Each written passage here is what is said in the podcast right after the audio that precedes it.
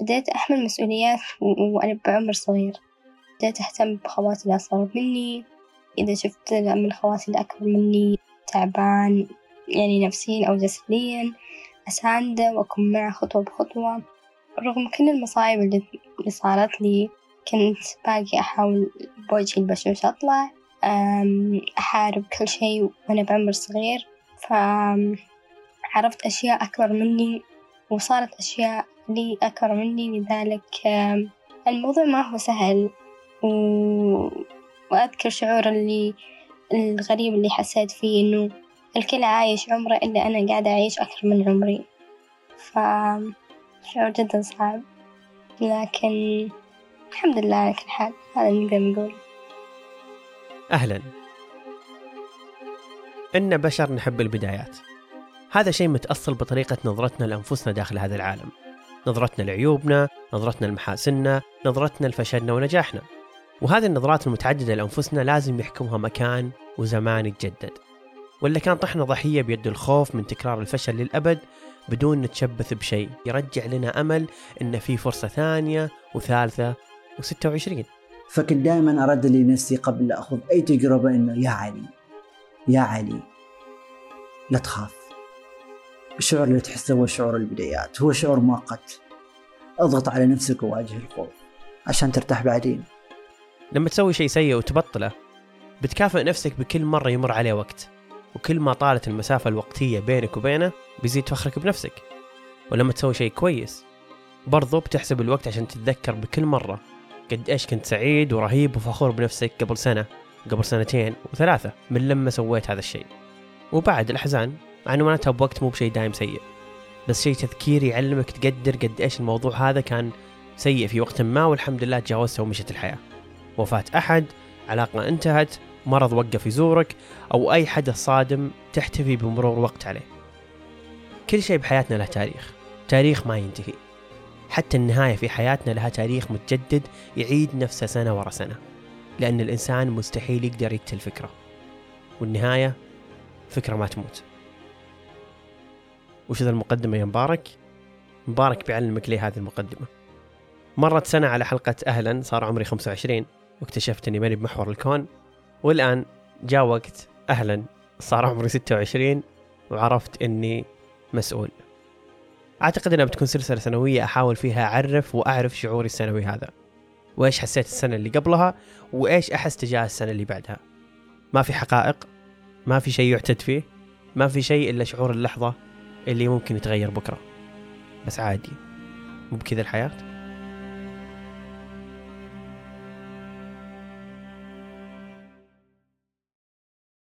قبل أيام شفت فيديو بالانستغرام لأخصائي نفسي يعلق على أخصائية نفسية وصانعة محتوى وإنها كانت مرة مركزة في حسابها على إنها تعظم وتكبر وتبالغ في فكرة ربط كل علة نفسية وجسدية في الحاضر بالصدمة العاطفية في الماضي.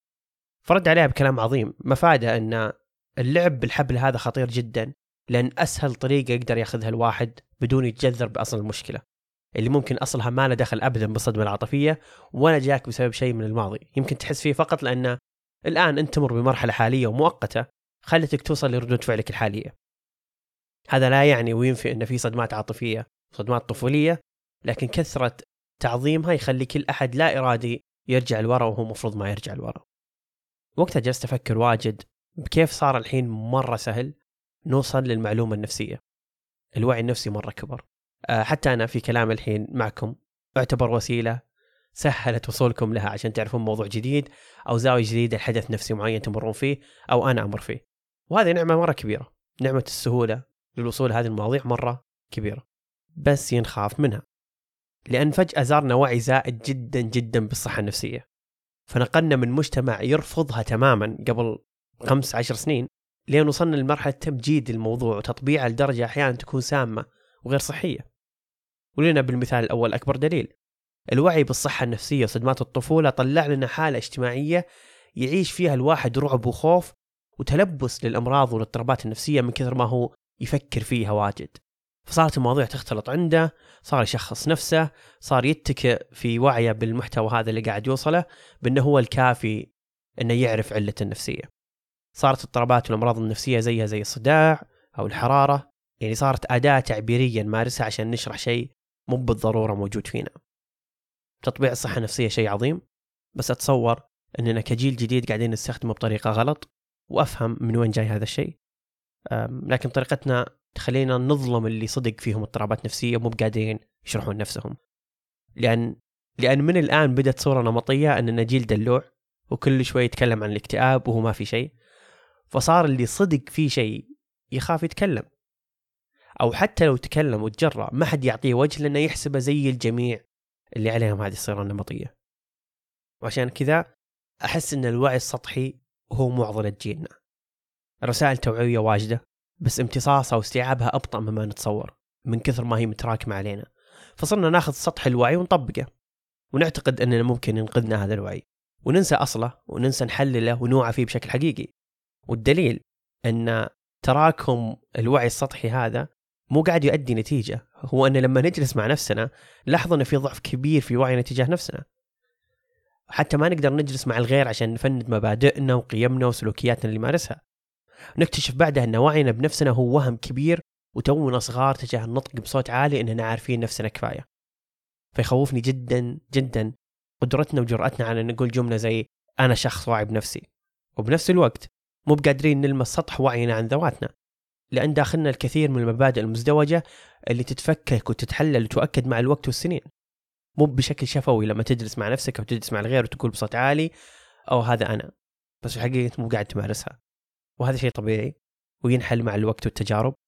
بس ضريبة الوعي الزائد خلتنا ما نعرف وش نلقط وش نخلي واللي يزيد أحس أنه واحدة من أهم عناصر الممارسة السيئة للوعي هذا اللي مو بقادرين نتعمق فيه بشكل كبير هو فردانيتنا.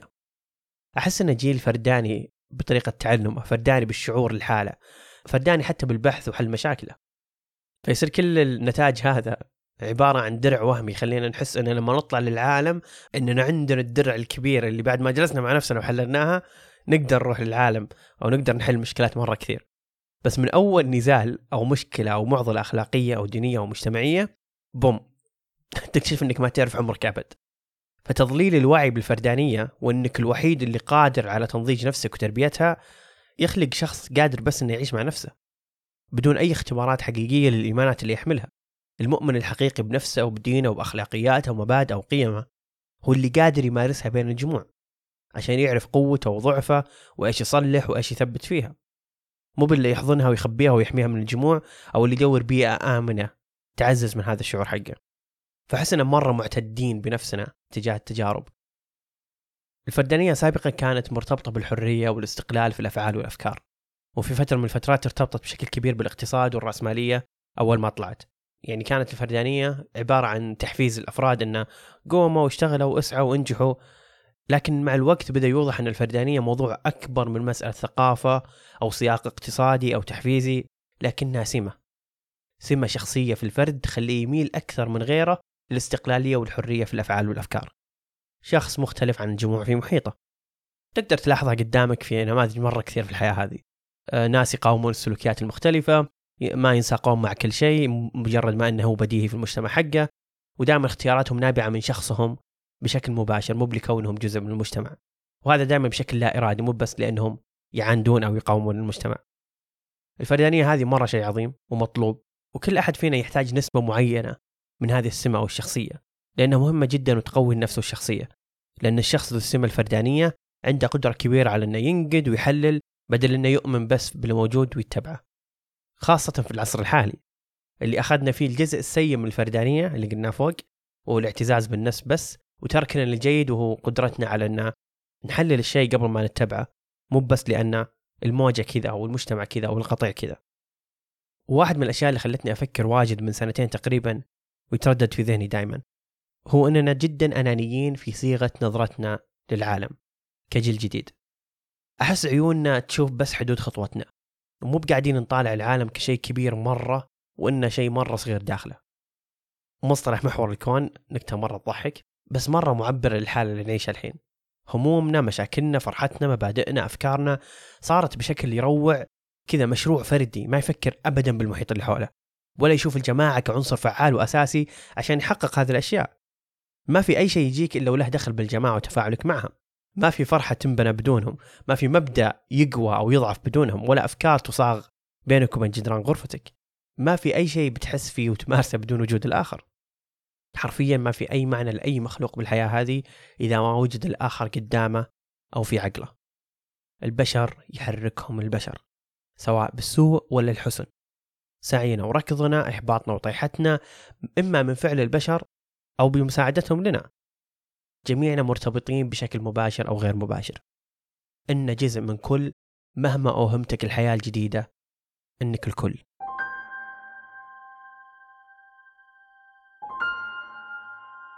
طبعا يا جماعة الفترة الأخيرة اندلعت حرب اللعينة على بلادنا الجميلة السودان وحرفيا كنا بنبذل جهود مرة عظيمة بس عشان نكون كويسين بس عشان نحافظ على رباط الجأشنة. فكان المفروض إنه نكون السند والعون لبعضنا البعض. بس في لحظة من اللحظات حسيت إني وحيدة. يعني ذاك الوقت وانت محتاجة بس إنسان يقول لي إنه إنتي قوية إنتي حتقدري تتخطي. كنت محتاجة بس كتف استند عليه أو يد تطبطب علي. بس مع الأسف أو الحمد لله إنه ما لقيت. لأنه اكتشفت إنه أنا قوية وإنه من جد بقدر أتخطى كل اللحظات الصعبة براي وإنه أنا ما محتاجة لوجود الناس في حياتي. يعني للدرجة دي أكيد كلنا كبني آدمين بنحتاج لبعض بس برضو بنقدر نتجاوز اللحظات الصعبة وحدنا.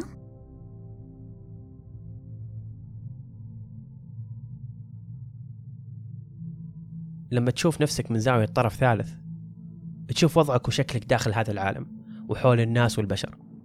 وقتها أحس تبدأ تتفكك عقد ونظرات كثير غلط كان أساسها بس إنك واقف بمكان يخلي زاويتك خايسة في نظرتك للعالم وطريقة تحليلك المواقف اللي تصير لك. لما تشوف نفسك من بعيد من برا الصورة اللي اعتدت عليها تبدأ تشوف الحياة بأقل أنانية. تبدأ تشوف نفسك ضمن محيط ضمن كون ضمن عالم كبير مرة ما وقف عليك لحالك. لكن طبعا كل ما صغر محيطك زاد تأثيرك وصار أوضح وموقف عليك مثل علاقات الأهل أو علاقاتك الصغيرة. أحس بالعمر هذا تيقنت بعد إدراكات صغيرة متراكمة طوال السنين اللي راحت إن كل علة بحياتك كل تسهيلات كل فرحة وطيحة كل ضحكة وصيحة يا أما سببها العلاقات أو بتنقذك من هالعلاقات. في شيء كذا في المخ بيجي في فترة معينة من حياتك تدرك بعدها أن العالم ما يوسعك لحالك ولازم تبدأ تشارك في تجربتك هذه الحياتية ناس تستاهل تشاركك هذه اللحظة العظيمة. الموضوع أكبر من مجرد شخص يجلس لحاله. المقصد بالفردانية هو أن كل قراراتك متمحورة حولك بس. ما يهم أي أحد طالما القرار هذا لمصلحتك أولا. وهذا شيء صحي أحيانا. مهم جدا تعرف متى تكون أنت ومتى تكون هم. بس هذا الفعل يكون أناني لو كان دائما. لأن الحياة ما لها شكل وصيغة واحدة للعيش. الموضوع مرن وفضفاض والفردانية المفروض تكون حالة مو بسلوك وأسلوب حياة. في يوم لازم تعزز فيه هذه الفردانية داخلك وفي يوم لازم تخففها لأن في ناس في محيطك يحتاجون أنك تخففها. وبعض القرارات أحيانا فيها ضرر كبير على الجماعة حتى لو فيها فائدة كبيرة عليك. متى أدركت إني كبرت أسرع من اللي في محيطي؟ آه صراحة لما استقليت بالسكن عن أهلي آه بحكم دراستي. شعوري تجاه الموضوع أكيد أكيد حسيت بالغربة بس ما هو بسبب اختلاف المنطقة. بسبب إنه الأشخاص اللي تعودت عليهم يكونون معاي طول يومي زي أهلي آه صديقاتي خلاص ما عندهم معايا طول الوقت. آه كمان حسيت بالضياع والوحدة أيام كثير. بس برضو علمني هذا الشيء إني أكون مسؤولة عن نفسي أكون مكتفية بنفسي. وشعور المسؤولية هذا مرة كويس. صرت أحس إني فخورة إذا عديت فترة بدون خسائر كثير. بس برضو في نفس الوقت إذا عديت فترة بس إنه أخطأت فيها كثير خسرت فيها أكثر من ما كسبت. ألوم نفسي جدا. بذا العمر بديت أحس إن الأهل صاروا فجأة عنصر أساسي بحياتي بعد ما صرت رسميا خارج سياق طالب اللي ناسي إن عنده أهل رغم إنه بينهم ورغم إن التخرج له ثلاث سنين تقريبا. بس أحس حالات الطالب تبقى لاصقة فيك الفترة لين تبدأ أنت والعالم تعترفون إنه ما عندك ذاك الشخص وإنك الآن شخص مستقل تماما. في كل شيء ولازم تبدأ تصنع أساساتك بنفسك لأن التخبط والفشل وحتى النجاح يكون تأثيره الحين كبير جدا لما يكون من صنع يدك وتتحمل تبعاته بنسبة كبيرة. يعني عكس قبل لما كان تحمل العبء شبه مشترك بينك وبين أهلك بينك وبين ناسك والضرر أقل. لو فشلت وأنت صغير أو انت طالب في مساحة مرة كبيرة إنك تصلح الأشياء هذه أو تعيد التفكير أو تعيد ترتيب خططك. لا يعني إنك لما تكبر خلاص بلاش ما تقدر تتغير لا. بس بس تصير مساحة الحريه في تغيير الحياة ضيقة أكثر من قبل.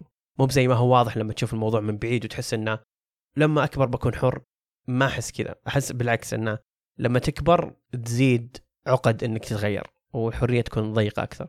ما أدري يمكن الموضوع متعلق في الراسماليه لانك كل ما تكبر كل ما الراسماليه تضيق عليك الحرية مع إنه مع إن رسائلها الكبيرة تقول إنها تزيد من الحرية بس أحسها كذبة. بالمقابل حريتك تقل بس مسؤولياتك مرة تكبر. فتقل عندك حالات قلة المسؤولية. أه لما فجاه تستوعب ان إنك شخص مسؤول تصير لازم تصير عنصر مساهم ضمن مجموعة. خاصة الأهل من ناحية اجتماعية وأحيانا حتى مادية. بعد ما كانوا هم يساهمون فيك كولد طايش ولا بنت طايشة لين تركضون فوقتها كل هذه الأشياء اللي قاعد أقولها هي اللي تعزز من شعور إنك ما عاد تشوف نفسك كفرد مستقل. مبدأ الفردانية هذا يقل. لأن غالبا وأنت أصغر غرقان بالبحث عن نفسك والتخبط في الحياة والمهابد والغلط في التجارب. بس فجأة لما كل شيء يوقف تبدأ تشوف العالم بشكله الحقيقي وتبدأ تعيد ترتيب أولوياتك بشكل شبه ثابت. أو على الأقل بنية داخلك إن الوضع الحين ما تنفع مع الأولويات المؤقتة اللي كل سنة سنتين كل ستة أشهر تتغير. الأولويات تصير مهمة بعد ما كانت شيء تكميلي بالنسبة لك. والأشياء المهمشه بحياتك السابقة ممكن كذا بشكل مرة ساركاستك تصير هي رأس مال حياتك حاليا. كذا فجأة يصير السبب التافه في العشرين هو محور حياتك لما تكون ثلاثين. بعد ما جربت كثير من الأشياء اللي ممتعة اللي كنت من زمان آه، يعني أبي أجربهن بعد ما جربتهن لفترة اكتشفت أنه ما هن غايتي بالحياة وأن الحياة متعته بالعلاقات الطويلة المستمرة مع الأشخاص المقربين مع أهلك مع عائلتك مع أصدقائك. اكتشفت أن اللحظات اللي تقضيها معهم والتاريخ المشترك اللي بينكم والمواقف اللي تذكرونها والذكريات هي الشيء اللي يستاهل أنك تكونه وتعنى عشانه؟ المتع والأشياء الممتعة بنفس الوقت. أي شيء يرفع عنك هو ممتع بلا شك بنفسه ويستاهل إنك تعنى له. بس ما يستاهل تحطه غاية ولا يستاهل تحطه كل حياتك تتمحور حوله. موضوع الأهل والعلاقات وإدراك أهميتهم شيء ما توقعت بيجيني بذا السرعة. بديت أحس أن لازم أحوط نفسي بناس تشوف العلاقات اللي بيننا مشروع ينبنى. مو بعلاقة تمارس وتعيش اللحظة ويلا نهابد مع بعض. علاقتك مع أهلك حتى يشملها هذا الشيء. لأن العلاقات استثمار. ما عندك وقت ولا طاقة. صدقني إنك تخسر فيه لما تكبر. يعني أحس أول يعني في الصغر أو حتى في المدرسة أو الجامعة في مساحة في مساحة للخسارة. في مساحة إنك تضيف. في مساحة إنك تشيل ناس وتقرب ناس وتبعد ناس. بس أحس كذا مع العمر تحس إن الحاصل وقت ضيق. يعني ما عاد في وقت إني أدخل هذه المعمعة من جديد.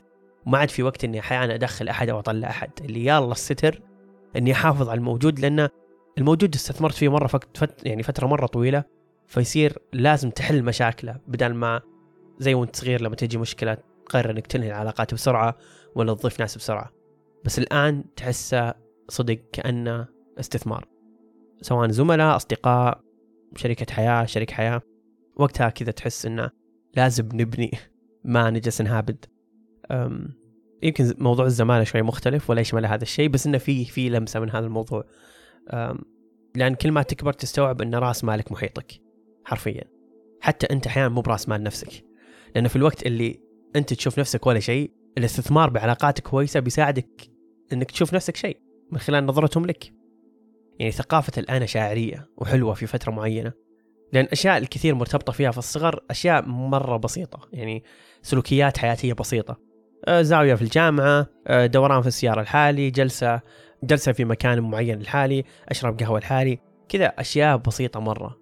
أه تحسسك إن الكون ملكك وإنك كذا ما في أحد زيك في الحياة لما تكون حالك. بس على المدى البعيد هذه الأشياء ثانوية. لفة السيارة لحالك القهوة وكتابك المفضل في زاوية في مقهى مو شيء ما تسوى شيء ما يكون عندك يعني أي اهتمام فيها إذا ما عندك المحيط الصح اللي تشاركهم هذه التفاصيل الصغيرة والكبيرة في حياتك. لا يعني أن المستقبل يساوي لا تصنع حياتك لحالك لا يعني أنك لما تكبر فجأة بتصير ما تعرف تكون لحالك. بالعكس جودة إنك تكون لحالك في لما تكبر تكون عالية جدا. ما أدري كيف أشرح المو... الموضوع هذا بس لما يكون عندك وقت ضيق إنك تجلس مع نفسك أحس يزيد تقديرك إنك تجلس مع نفسك. على عكس لما تكون مثلا في مرحلة معينة في المراهقة ولا غيره عندك وقت مرة طويل إنك تجلس مع نفسك فتصير جودته وجدواه قليلة. لكن لما تكون مخنوق في مسؤوليات مرة كثير ووقت إنك تكون لحالك مرة قليل فبالعكس كل ما تكبر كل ما صار في لذة إنك تجلس لحالك. فيا أختار تكون لحالك بس لا تخلي الخيار الوحيد بحياتك إنك تكون لحالك. أنا أكثر شخص انطوائي قد قابلوا أهلي وأصدقائي وزملاء العمل بحياتهم فلا تتوقع أن كل الكلام اللي فوق نابع من شخص اجتماعي جاي ينظر علينا عشان عنده ناس كثير مخلين حياته سعيدة. لا محيطي أقدر أعده باصابع يد واحدة واللقاءات الفيزيائية مو بعنصر أساسي في حياتي. بس مدرك تماما وأعرف يقينا أن اللي اعيشه من انعزال واكتفاء بالنفس في أغلب أو إذا مو بكل سلوكيات حياتي هو خيار أقدر أوقفه بأي وقت وبأي لحظة. مو بشيء مجبول عليه أو لو بغيت أحد معين ماني بلاقيه. لا. عندي أشخاص استند عليهم ولازم يكون عندك أشخاص تستند عليهم. والاجتماعية ما لامها دخل بالموضوع هذا. تقدر تكون انطوائي بس عندك بشر.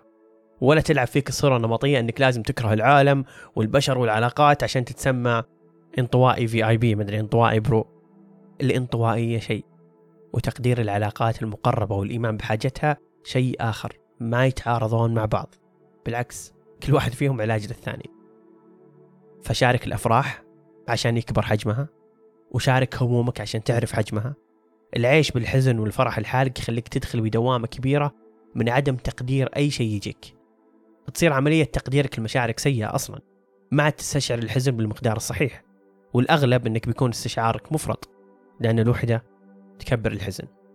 وبعد الفرح استشعارك له بيكون مو بمقدارها الصحيح واللي غالبا بيكون أقل مما هو يستحق لأن توزيع المشاعر الجيدة يكبرها.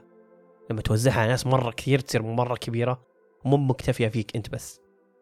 وما يخالف إن أدركت أن حجم المشكلة صغير ولا كبير فوق توقعاتك أو أقل منها المهم أنك تعرف حجمها. لأن الهرب من مشاكلنا والأشياء اللي لازم نصلحها داخلنا أو في حياتنا غالبا يكون بسبب الراحة اللي يجيبها الجهل فيها وأن الحقيقة ممكن تصدمنا بشيء ما نبي نستوعبه. بالمقابل الجهل هذا هو اللي متعبنا ومحسسنا بضغط. لأن لما تجهل وش كبر مشاكلك؟ بتخاف وتهجس فيها طول عمرك. وتتساءل هل هي حقيقية ولا لا. ولأننا بشر غالبا بنشوف المصيبة أكبر بكثير مما هي عليه. معرفة وش المصيبة اللي جايتك بالطريق. فيها راحة نفسية تجهزك ذهنيا وتخليك تعرف بالضبط وش الحل اللي يناسبها. بدل ما تستمر للأبد تخمن وتتوتر من اللي جاي من كثرة ما تهرب منه بدل ما تعرف هيئته. ولو مصيبتك ما لها حل عادي. صدقني معرفة متى بيجيك الكف وقوته. أهون من الألم النفسي اللي يجيك لما تستمر الدنيا تهوش لك. كل شوي وتصير قلق جدا طول حياتك تنتظر بس الطامة اللي بتقرب المشكلة منك. عشان كذا شارك الأفراح وشارك الهموم لأن محيطك راح يساعدك تعرف حجمها الحقيقي بدال مخك الخواف.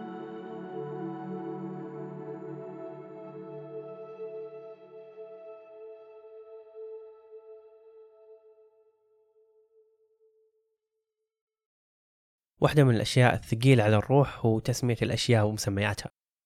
مرة صعب إنك تقرر تعطي كل شيء تعريفه الصحيح.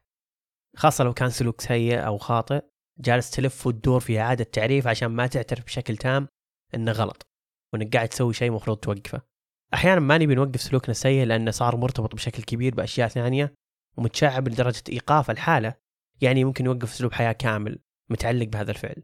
ف فنصير نخاف نخسر كل شيء لما نخسر هذا الفعل السيء. طبعا كفة البقاء على الفعل السيء هي اللي غالبا تفوز في النهاية. ولما تفوز عاداتك السيئة يعني بتنهزم كل يوم.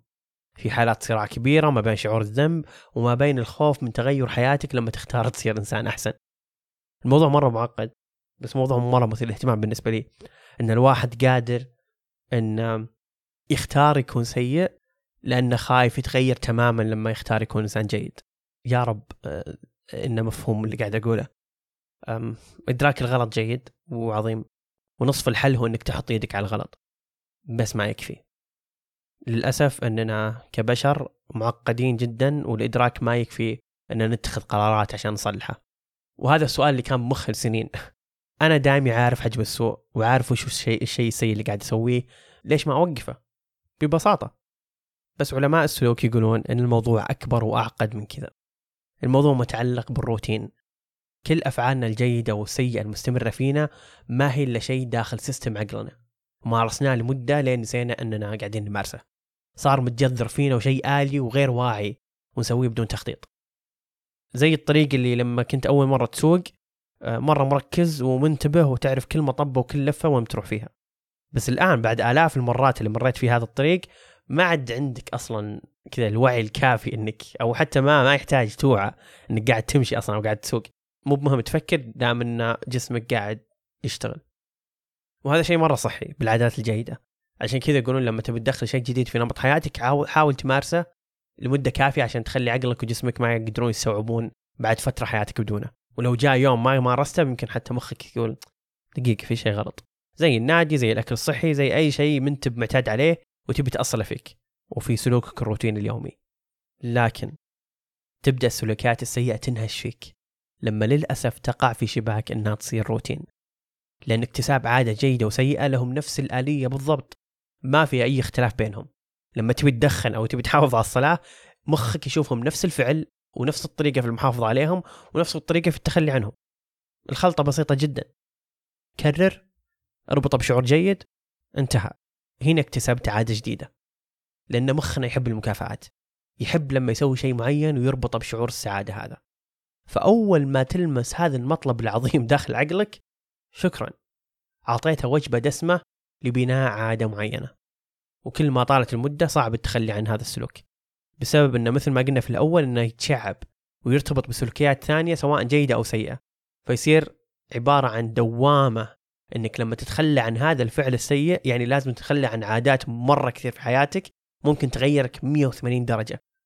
عشان كذا إحنا خوافين ونخاف نغير عاداتنا السيئة عشان ما تتغير حياتنا كليا.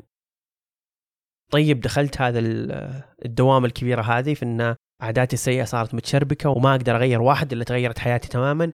وش أسوي؟ كيف بقدر أتخلى عنها؟ الجواب موجود. بس مو بسهل ابدا. لازم تدرك صعوبته من الحين عشان تعرف وش قاعد تواجه في المستقبل. اولا سمي الأشياء بمسمياتها. لا تلف وتدور وتعطي مسميات ثانية لأفعالك السيئة وتخليها إيجابية بشكل ما وتستعبط على مخك. فعلك غلط سمه. قل أنا غلطان أنا قاعد أسوي فعل غلط. بعدها حاول تغيره تدريجيا. أغلب الناس يرجعون لعاداتهم السيئة بسبب أنهم وقفوها فجأة.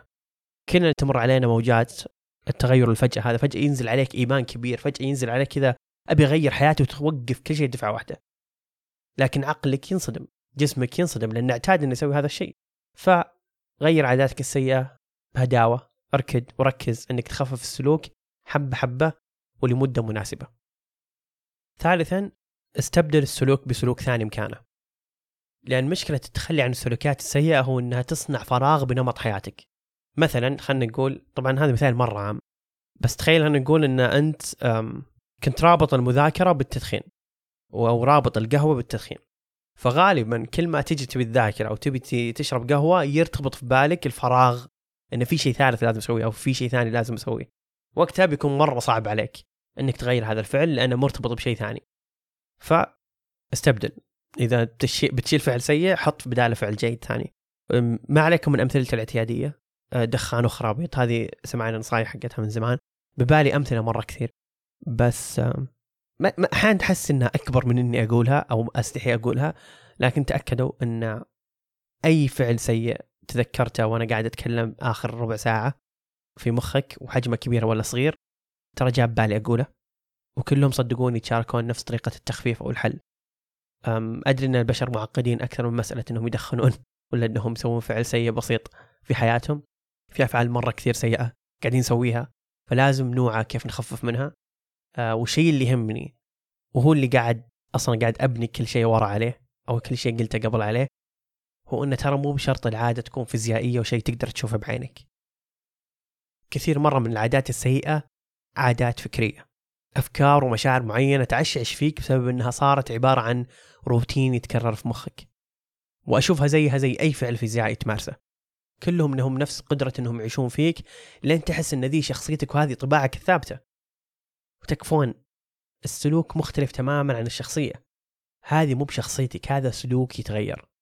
وهذا اللي أحس أني عرفته آخر سنتين أن كثير من معضلاتي في العادات السيئة مو بعادات فيزيائية بالضرورة. عادات وأفكار ومبادئ معينة تجذرت فيني رغم إني أشوفها خاطئة. بس من كثر ما كررت ممارستها على نفسي خلاها تلصق فيني لدرجة إني أحيانا ما أستوعب إنها شيء منفصل عني. صرت أشوفها شخصيتي مو بشيء ثاني وأقدر أمحيه. وهذا شيء مرة مرعب. يعني مرة مرعب إن إني أمارس شيء ومؤمن انه هو شيء أنا هذا أنا تكفون هذا أنا شوفوني هذه شخصيتي. لكن ببساطة هو روتين فكري بيوم من الأيام دخل مخي وما عاد طلع لي إني كنت أشوفه كول وكررته وصار بهذا الشكل. فركزوا الله يسعدكم. لا تتعذرون بسلوكياتكم السيئة وتقولون إنها شخصيتكم. لا تقولوا إني عصبي هذه شخصيتي. لا تقولوا إني مكتئب هذه شخصيتي. لا تقولوا إني ما أحب أنا أكره البشر هذه شخصيتي. لا. في فرق مرة كبير بين السلوكيات والشخصية. السلوكيات تتغير.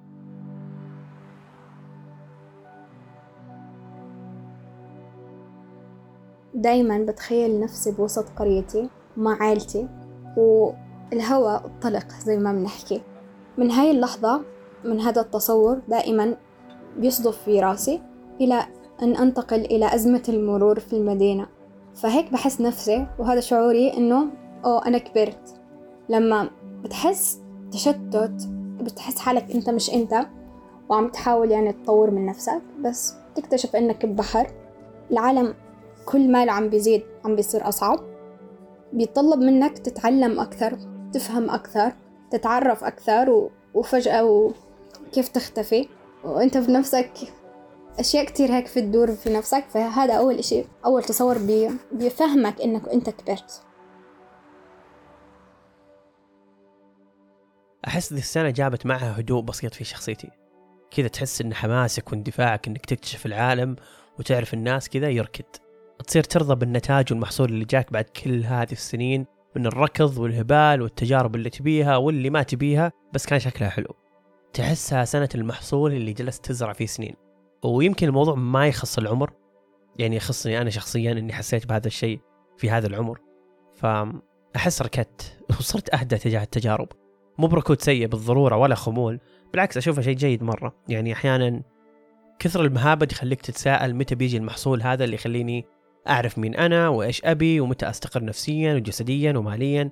يعني في ناس انخلقوا للركض وعدم الاستقرار وهذا أسلوب حياة موجود وكثير مؤمنين فيه بس ما أشوفها شخصيتي. يعني أبدا ما أشوفها شخصيتي. أنا شخص يبي يعرف متى يلعب ومتى يدرس الأشياء. ما يصير نفسية بأنه يخطط بزيادة ولا أهبل بأنه ينبسط بحياته. وينسى متى يخطط لها.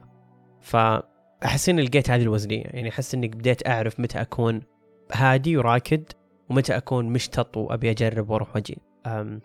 وأحس أسئلة كثير عن الحياة وعني تقفلت براسي. كل سنة تكبر فيها تزيد الأجوبة وتتقفل الأسئلة وهذا يعني خبر للجميع أن ترى كل سنة تكبر فيها الأجوبة تزيد والأسئلة تتقفل وهذا ممكن يكون حزين بالنسبة لك. وأفهم صراحة لأن أحيانا رحلة البحث أمتع بكثير من إنك تلقى جواب. زي لما تبحث عن شيء وتجلس أيام وأسابيع شاغل بالك بعدين يطلع جواب مخيس ولا بسيط ولا سيء مثلا ما تبي تسمع الجواب هذا. فينهد حيلك وتحس إن ليتك طولت الوقت عشان تبحث فيه. ففي جانب ممتع وصحي لما تكون جاهل بشيء معين لأنه يزيد رغبتك في إنك تبحث. يعني أحس وإنا أطفال كنا هذه رغبتنا إن نعرف كل شيء بهذا الكوكب. فالشغف الكبير هذا اللي رافقنا من الصغر طوال مرحلة الشباب يخلينا بالمقابل ترى يعني قاعدين نجري بشغف إن نسد هذا الشغف. يا رب كلامي مفهوم. بس إن ببساطة صدق يعني الكثير أجوبة تطلع في وجهك وكثير أسئلة بتتقفل. وهذا لا يعني إني أنا وصلت هذه المرحلة بس يعني هذا هذا الشيء اللي جاب بالي آه هذه الفترة. ما ما أتوقع إن أصلا في بشر بيوصل لمرحلة إنه يقفل كل شيء وخلاص رحلة البحث حقته توقف. بس هذا اللي جاء هذا اللي جاب بالي فخاصة في الأمور المهنة يمكن لأن صارت عنصر أساسي في هذا العمر فجاب بالي إنه أوكي لو لو فهمت كل شيء في مهنتي لو ما عاد صرت أجهل أي شيء أسويه وش بيكون شعوري؟ هل بنبسط إني أدركت كل شيء في الحياة؟ أكيد بكون مرة رهيب بعيون الناس وبعيون نفسي وكل أحد يبي يوظفني وكل أحد يبي يدخلني بمشاريع بس وبعدين هل التعلم أمتع من تطبيق اللي تعلمته؟ طيب يعني بوقف أتعلم وأصير أعلم الناس وش تعلمت فلين متى يعني؟ ما أدري يعني أحس يعني أتوقع التساؤلات هذه غير صحية. المفروض واحد ما يتساءلها ويغرق فيها. يعني أحسها جالسة تضيق حدود الفرص وتوجهها لاتجاه واحد. بس يمكن أتعلم كيف أتساءل كويس تجاه هذا الموضوع السنة الجاية. ما في مشكلة. اللي تعلمته أن كل حاضر أعيشه وأمر فيه هو ذكريات بكرة. فشعوري اليوم ذكرى بكرة وأنا اليوم ذكرى بكرة. آه طبعا هذا من عدة جوانب من جانب إنه شي حلو ومن جانب إنه شي يعني محزن. آه لكن هالشي عطاني إني آه ما أندم على اللي فات وأنتهز كل فرص اليوم. عشان بكرة ما يصير ذكرى وأندم عليها.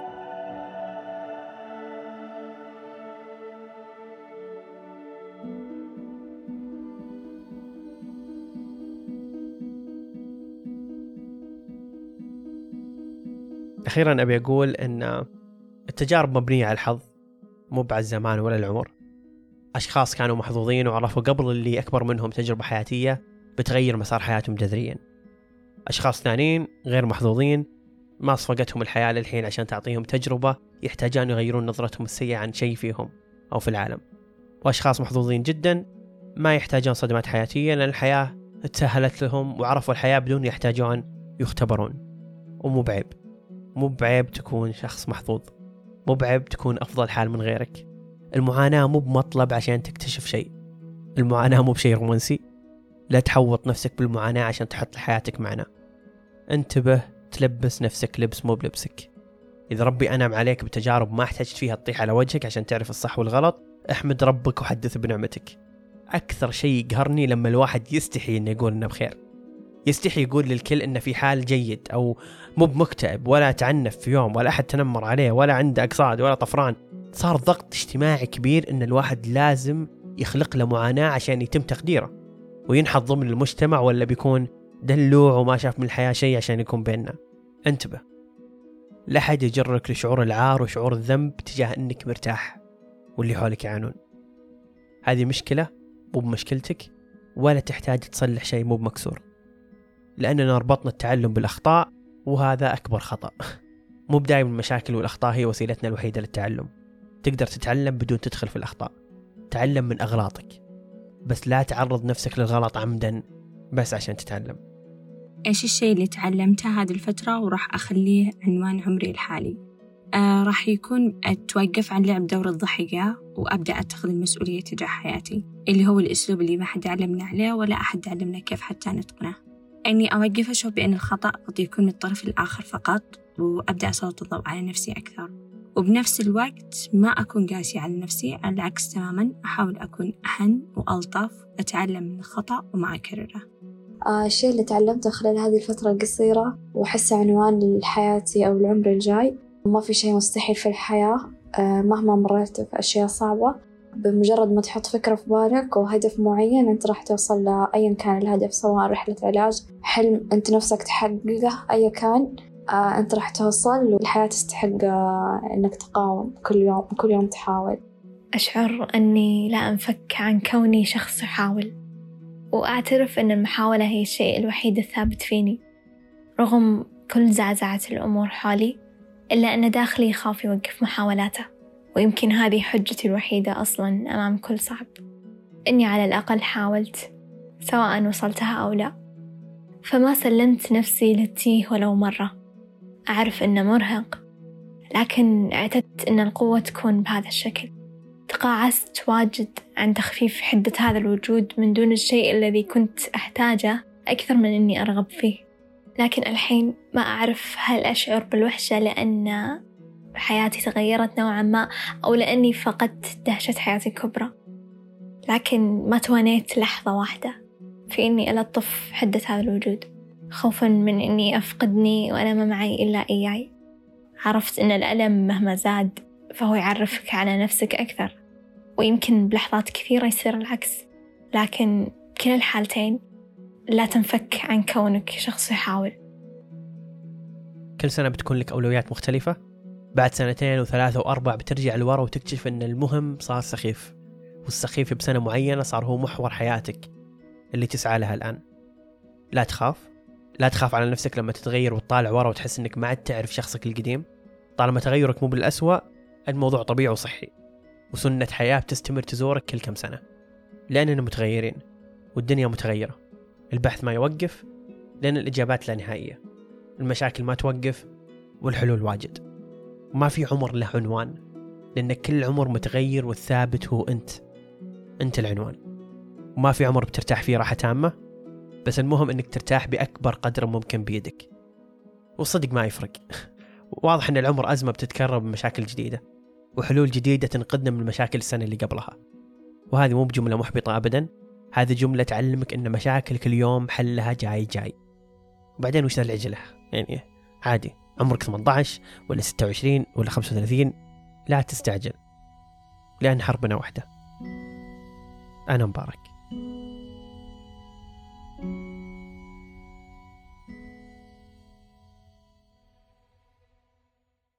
اللي يتابعنا في حساباتنا مواقع التواصل يعرف إن قبل أسبوع أو أسبوعين آه، حطينا ايميل إنكم تشاركون رأيكم في هذه الحلقة. فشكرا مرة كثير على كل أحد أرسل كل أحد أعطى رأيه. كل أحد حتى كتب إيميل نصي بدون ما يرسل صوته بس عشان يشارك آه، ويبدي رأيه في الموضوع هذا. فيعطيكم العافية جميعا. باسمكم واحد واحد حطينا صوتكم ولا ما حطينا؟ شكرا.